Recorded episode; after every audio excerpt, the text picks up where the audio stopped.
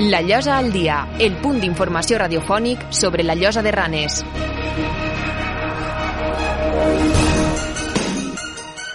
Salutacions, què tal? Benvinguts i benvingudes a una nova edició del programa La Llosa al dia.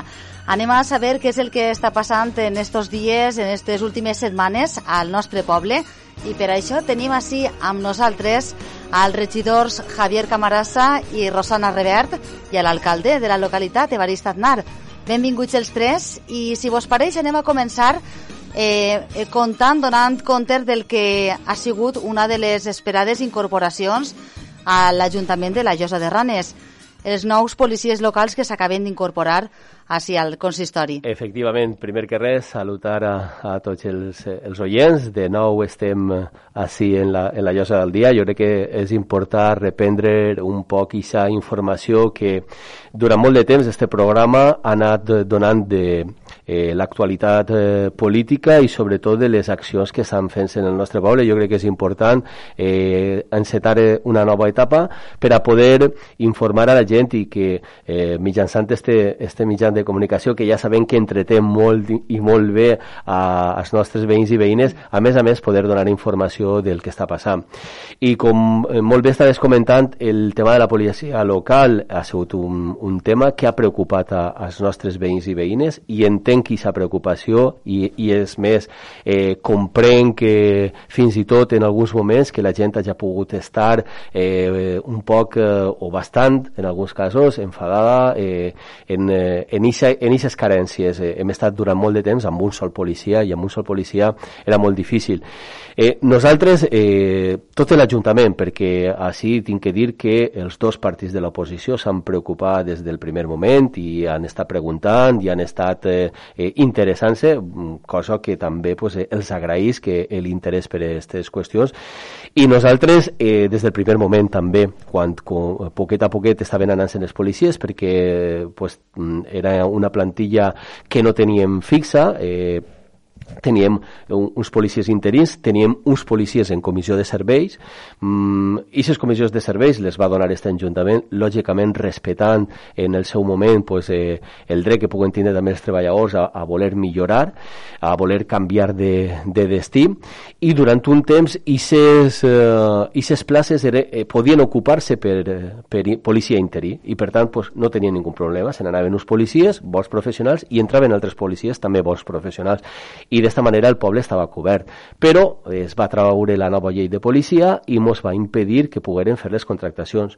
A tots els ajuntaments, de tots els colors polítics, és a dir, així hem estat perjudicats, eh, no sols eh, eh, l'Ajuntament de la Llosa de Ranes del, eh, governat per el PP, sinó altres ajuntaments governats per el Partit Socialista, governats per Compromís. Esta llei mos ha afectat a tots. Per què? Perquè el post de la policia local eh, és un cos que eh, té una mobilitat important i el cost de la policia local en alguns ajuntaments eh, se tenen que cobrir baixes. N'hi ha ajuntaments, no és el cas de la Llosa, però n'hi ha altres ajuntaments que arriba a l'estiu i le, les poblacions es doblen. Mm -hmm. No poden tindre una plantilla per a tota, eh, per a eixa mm, desdoblament que es produeix de la població perquè n'hi ha una part de l'any en què aquesta policia pues, mm, no tindria sentit. Eh, entonces necessitaven utilitzar els interessos. Vull dir que aquest ha sigut un problema que hem patit molts ajuntaments en quant eh, eh, van relaxar les mesures que, que posava esta llei de, de policia i ens van permetre als ajuntaments poder contractar interins, ho vam intentar, vam buscar, van demanar de bolses eh, d'altres municipis, la nostra bolsa estava esgotada i la veritat és que eh, no teníem possibilitats. Clar, què és el que calia fer? El que vam, el, el que vam iniciar, un procediment per a eh, ocupar dos places de policia i poder fer amb el mateix procediment selectiu una bolsa de treball per a les altres dues places. D'aquesta manera podrien tindre un cos de policia estable amb quatre policies. I això va ser la nostra intenció. El que passa és que, recordem, vinguem d'una independèmia, quan en el, eh, les places se posen eh, en l'oferta d'ocupació pública que fa l'Ajuntament l'any passat, però eh, arriba la pandèmia, es paralitza tot, es paralitzen els plaços i fins al mes de juny no se pot reiniciar una altra vegada el procediment. Però és que, a més a més, eh, nosaltres necessitàvem el vistiplau de la de de, de l'Institut Valencià de, de, de la policia local, i en setembre ens contesten fent unes, eh, uns requeriments per a unes millores en la nostra proposta. Això encara ralentissa, clar. Podíem haver tirat endavant, però teníem el problema de que haveren segur recurrit en les nostres bases i, per tant, tot el procediment tornant al punt zero. Van preferir fer eh, escoltar aquestes suggerències, fer els canvis adients i a partir d'ahir fer eh, pues, bueno, posar de nou el procés i un procés de policia i tinc que dir i donar les gràcies als funcionaris i als treballadors que s'han ocupat d'aquest procés perquè així ha sigut eh, exemplarment ràpid en altres, en altres municipis estos procediments duren, una vegada s'inicien, eh? no, no estic parlant de, de l'inici de l'oferta d'empleo públic, sinó una vegada s'inicia el procediment poden durar molt de temps. Tinc que donar també, com li, li vaig donar les gràcies a l'Ajuntament de Xàtiva, perquè ens van deixar el eh, pavelló esportiu per a poder fer les proves i també la piscina i bueno, així li ho vaig manifestar personalment a, a l'alcalde, a Roger Cerdà, vull dir que jo crec que és important i és bo la col·laboració entre els ajuntaments i en aquest cas pues, la, la vam tindre i bé, al final, el més important, però bueno, crec que les explicacions són necessàries per, per que la gent sabera què, què ha passat, eh, per què ens vam anar quedant sense policies. Pues, bueno, al final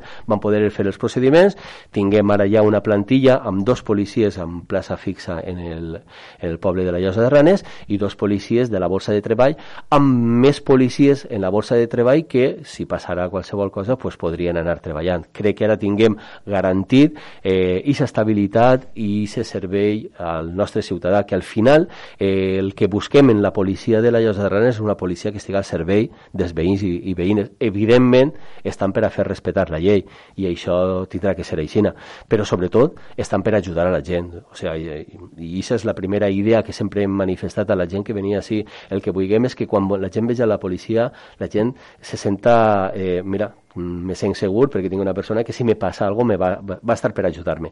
I és el sentit i és el que vulguem. Crec que ho hem aconseguit, ha costat molt i per això ho hem fet en altres ocasions i reiteré eh, pues una disculpa de tot l'equip de govern per, per eh, ser l'administració a voltes massa lenta, massa burocràtica, però bé, això és el que garanteix que es facin les coses ben fetes i ara sols puguem estar contents per tindre eh, de nou eh, quatre policies i bueno, poder donar eh, aquest servei que sempre hem volgut donar a la gent de, del nostre poble. I bé, jo crec que amb això eh, es dona per finalitzat un, un episodi que ha sigut molt llarg però que hem tingut en tot moment la voluntat d'arribar a on estem ara. Arribar a tindre la plantilla, a tindre una plantilla estable, a tindre una policia local del nostre poble cobrir el màxim d'hores i, i de dies possibles, no? Efectivament. Eh, és l'objectiu. Sí, eh, donar un servei les 7 dies a la setmana i el màxim d'hores. No va poder cobrir-se les 24 hores perquè amb una, vull dir, necessitaríem pràcticament el doble perquè per la nit tindrien que, tenen que anar dos policies, mm. vull dir, i bueno, se donen les circumstàncies que eh, pues, s'estira al màxim per a donar aquest servei al llarg de les 7 dies el màxim d'hores possible. Molt bé, moltes gràcies, Evarís. Jo crec que queda ja clar i, com deies tu, tancat este, este tema. Sí, ha sigut un tema de... recurrent, vull dir, sí. en les redes socials ho han criticat i, i acceptem les crítiques eh, com no pot ser d'una altra manera. Ara també tinc que dir una cosa, eh, perquè de vegades ho oblidem. El civisme, eh, l'actitud respetuosa amb eh, el nostre patrimoni, amb el nostre mobiliari urbà, és a dir, allò que és de tots, allò que és de tots, és que no és de ningú, eh, tot el que està en el poble és de la gent del poble. Mm. Per a que això dure, necessitem el respecte. Encara que tinguérem 40 policies, si la gent eh, no respecta o si la gent quan veu que algú no està fent les coses pues, bueno, perfectament pot dir perdona, eh, això que estàs fent això és de tots. I si tu trenques anem a pagar-ho en els impostos de tots. I jo no vull pagar impostos per a reparar algo que tu estàs trencat. Jo vull que impostos per a donar més serveis o per a millorar les coses que tinguem per a que se facin coses noves. Però no perquè tu ara tingues la gràcia d'anar a trencar qualsevol cosa tinguem que pagar-ho. Es paguen els impostos de tots. Mm -hmm. per, per tant jo crec que eh, un poble es construeix en el civisme de tots, i un poble es construeix en la, en la implicació de tots. Nosaltres tinguem que ser els primers que, eh, que donem aquest exemple de, de respectar les coses, de fer les coses, i crec que tractem de fer-ho, i quan ens equivoquem, pues, demanem disculpes. Però crec que tota la gent s'ha de conscienciar que el tindre un poble millor és cosa de tots, no sols és cosa de, de, des que estan en la política o dels polítics. El poble està més net si embrutem menys. Mm. Si, eh, pues, si tinguem un paper o si tinguem una botella que posa, o un poc que molt hem acabat i no tinguem una papelera, pues, bueno, mos podrem queixar de que l'Ajuntament no té la papelera, però no mos dona dret a tirar la terra Vull dir, crec que me la puguem guardar o me'l puguem guardar, que sempre portem una motxileta i després quan vegem un contenedor el tirem i d'aquesta manera mantinguem el, el, el poble més asseat i al final és un orgull quan el poble està net i quan les coses eh, estan per a poder disfrutar-les perquè com dic, això no mos ho emportem a ningú a casa, això ho deixem pels nostres fills i pels nostres nens, perquè es vinguen, els que vinguen darrere. Per tant, el que tinguem que fer és intentar tindre un poble el més cívic possible, eh, el, el més bonic possible, però fent tots i aportant entre tots el nostre granet d'arena. Ha de començar per cadascú de nosaltres, perquè si no, no... Per molta policia, i el que dèiem, per molt que posem... No, és impossible, és impossible. No es podria controlar. Moltes gràcies, Evarist. Un plaer estar de nou amb tots vosaltres. Esperem que molt prompte tornem a tindre't així i ens contes més coses que vagin ocorreguent a l'Ajuntament i al poble. A la vostra disposició, com sempre. Gràcies. Salutacions per a tots. Anem a seguir amb l'actualitat del nostre poble, en este cas amb la regidora de Promoció Econòmica i Hisenda, Rosana Revert. Benvinguda als estudis de Llosa FM. Hola. És la primera volta que visites els nostres estudis, comentaves, no?, a l'entrar. Sí, sí, estava comentant-li a Javier, jo dic, no havia vingut mai, però bueno, sempre hi ha una... una la primera, primera impressió, vegada. bé, no? Molt, la... molt bé, molt bé. En la teua regidoria tenim d'actualitat el Pla Resistir, del que s'acaba de finalitzar el plaç i bueno, ja són moltes les, les sol·licituds no?, que s'han presentat. Sí, el pla es va finalitzar el 26 de març, o sigui, el divendres passat, i eh, hi han 34 sol·licituds.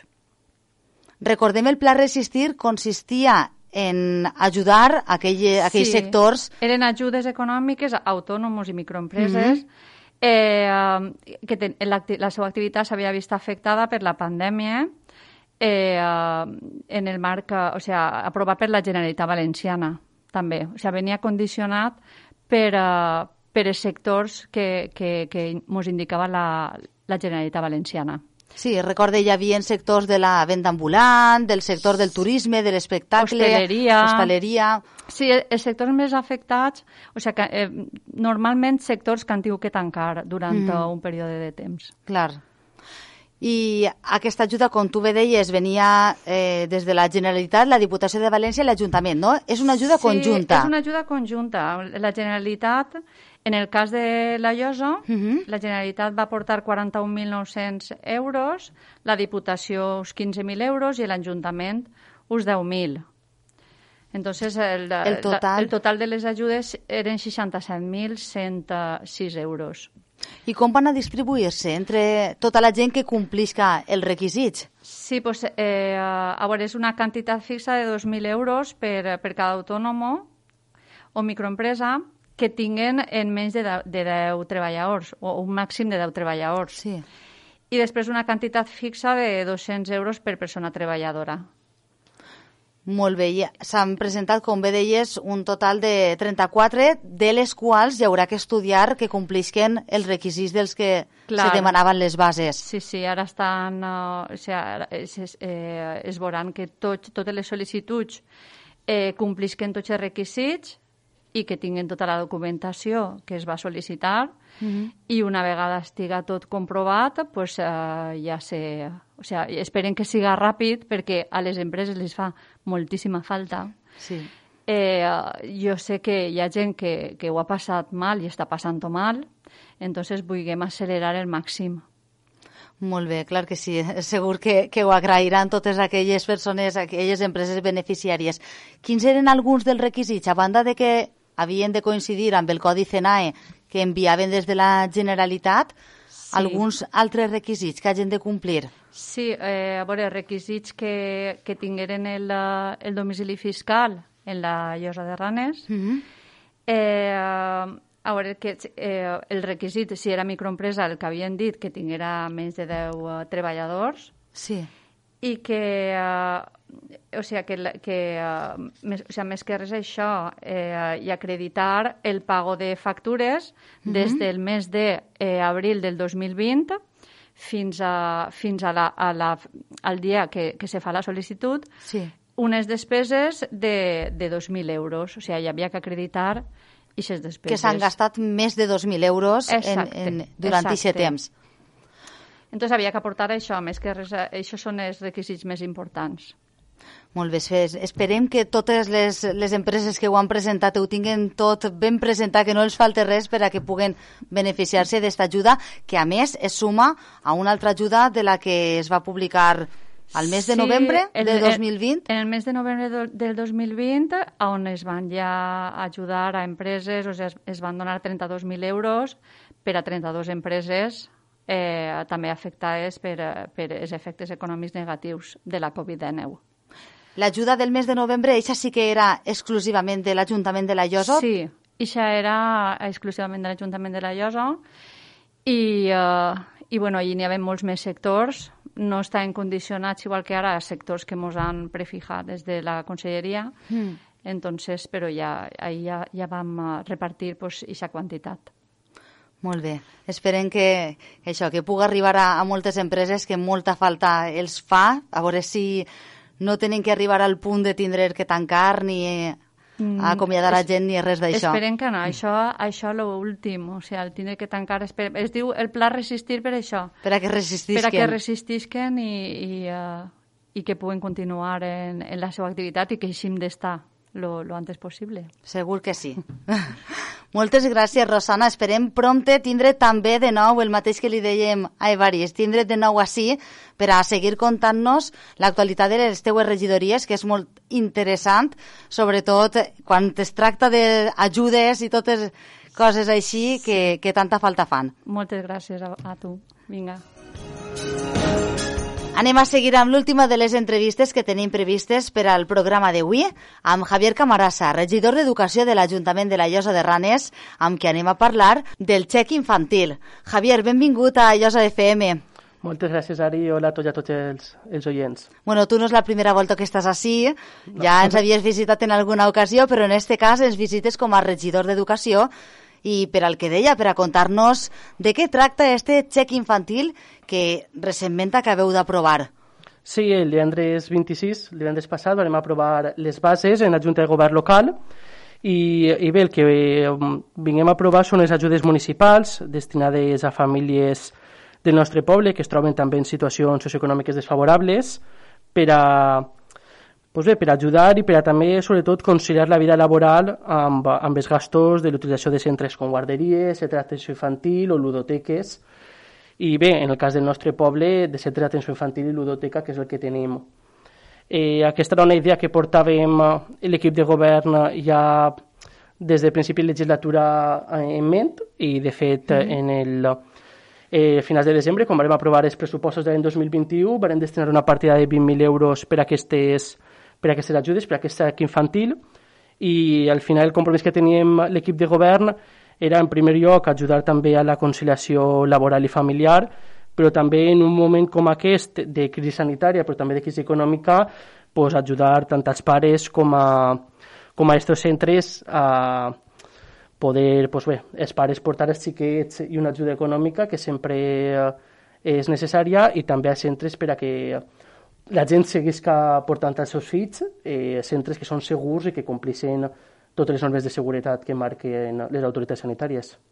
És important que eh, amplieu a ludoteques i a centres d'educació infantil perquè sí que és veritat que anys anteriors han hagut algunes ajudes que no incloïen a les, als centres que tenim així al nostre poble i ara sí que per fi la gent del nostre poble podrà ser beneficiària d'aquestes noves ajudes. Sí, correcte. Ens hem volgut adaptar a també les necessitats i les carències que té el nostre poble. Per això eh, aquest xec val tant per a guarderies com per a centre d'atenció infantil com a ludoteques. Estos dos últims, com hem dit, són els que tenim al poble. I bé, sobretot també perquè en aquest cas, el, el que és requisit és que la persona que faci el tràmit de la sol·licitud, ja siga el pare, mare, tutor legal o responsable, així com el xiquet o xiqueta, eh, estigui empadronat al nostre municipi i per tant també eh, afavorim aquesta conciliació que estem parlant, laboral i familiar, eh, a tots aquells pares que treballen fora del municipi i, i que, bueno, que per, que per aquest treball pues, els seus fills eh, assistisquen a bé guarderies, bé centres d'atenció infantil o ludoteques en altres pobles. És a dir, un pare o una mare que treballen fora i porten també el seu fill, siguen de la llosa, empadronats en la llosa i porten el seu fill al poble on treballen o on millor els vinga, també podran sol·licitar aquesta ajuda. Sí, tindran accés al xec infantil eh, que hem fet des de l'Ajuntament. I de quina quantitat disposarem en este xec infantil? Eh, bé, la partida que vam aprovar en el pressupost és d'uns 20.000 euros i, i que, bueno, sobretot, els criteris que van a fer-se de valoració de les sol·licituds van a dependre eh, del nivell de renta de la unitat familiar, uh -huh. també criteris socials, com va ser que sigui família numero, nombrosa, eh, família monoparental o algun membre familiar tingui alguna discapacitat, i amb això eh, es farà una valoració i s'han establit un total de eh, tres, eh, com tres grups eh, en els que eh, cada grup, eh, depenent dels punts que sumen, tindran un import eh, d'aquesta subvenció, aquest xec. Estarà ja en marxa per al proper curs escolar? Sí, la idea és que per aquest curs 2021, eh, el xec infantil s'aprova per al curs 2021 i eh, en aquest cas tindrà efectes retroactius i, i poder ajudar ja aquest curs eh, de manera econòmica a tots els pares i mares del nostre poble. Aleshores, este curs 2021 és el que ja portem en marxa. Correcte. Però, com deies tu, serà retroactiu sí. i, i seran beneficiats igualment. Correcte. Sí, les ajudes les hem vingut establir uh, per cursos escolars i, per tant, uh -huh. el curs 2021 comptarem ja amb el xec infantil i uh, la finalitat nostra és que siga de forma successiva durant tota la resta de cursos i per això anem a seguir destinant aquesta quantitat per poder ajudar a tots els pares i mares del nostre poble. Molt bé, doncs esperem que sí i que de nou siguin moltes persones les que siguin beneficiades per aquestes ajudes. Alguna cosa més, Javier, per afegir? Sí, bueno, eh, també el que volíem comentar és que aquest xec infantil eh, i la sol·licitud d'aquest xec infantil és compatible amb altres ajudes que donen altres entitats, eh, ja siguin sessions públiques o entitats privades, uh -huh. que en cap cas eh, la suma de les dues supera el 100% de la quota que es paga per assistir a aquests centres, però que, eh, que sí que són compatibles i que, per tant, el que vulguem és mm, encara poder ajudar més a, si en alguns casos es rep alguna ajuda d'alguna altra administració pública. Pues esperem que pugueu ajudar a, a molta gent que, que molta falta fa, com dèiem abans. Gràcies als tres per haver vingut. Vos espere als tres i a la resta de regidors i regidores en pròximes edicions de la Llosa al Dia, perquè jo crec que els oients de Llosa FM agraeixen el poder estar assabentats de tot el que està ocorreguent. Moltes gràcies a tu, Ari. Gràcies i fins la pròxima. Adeu. La Llosa al Dia, el punt d'informació radiofònic sobre la Llosa de Ranes.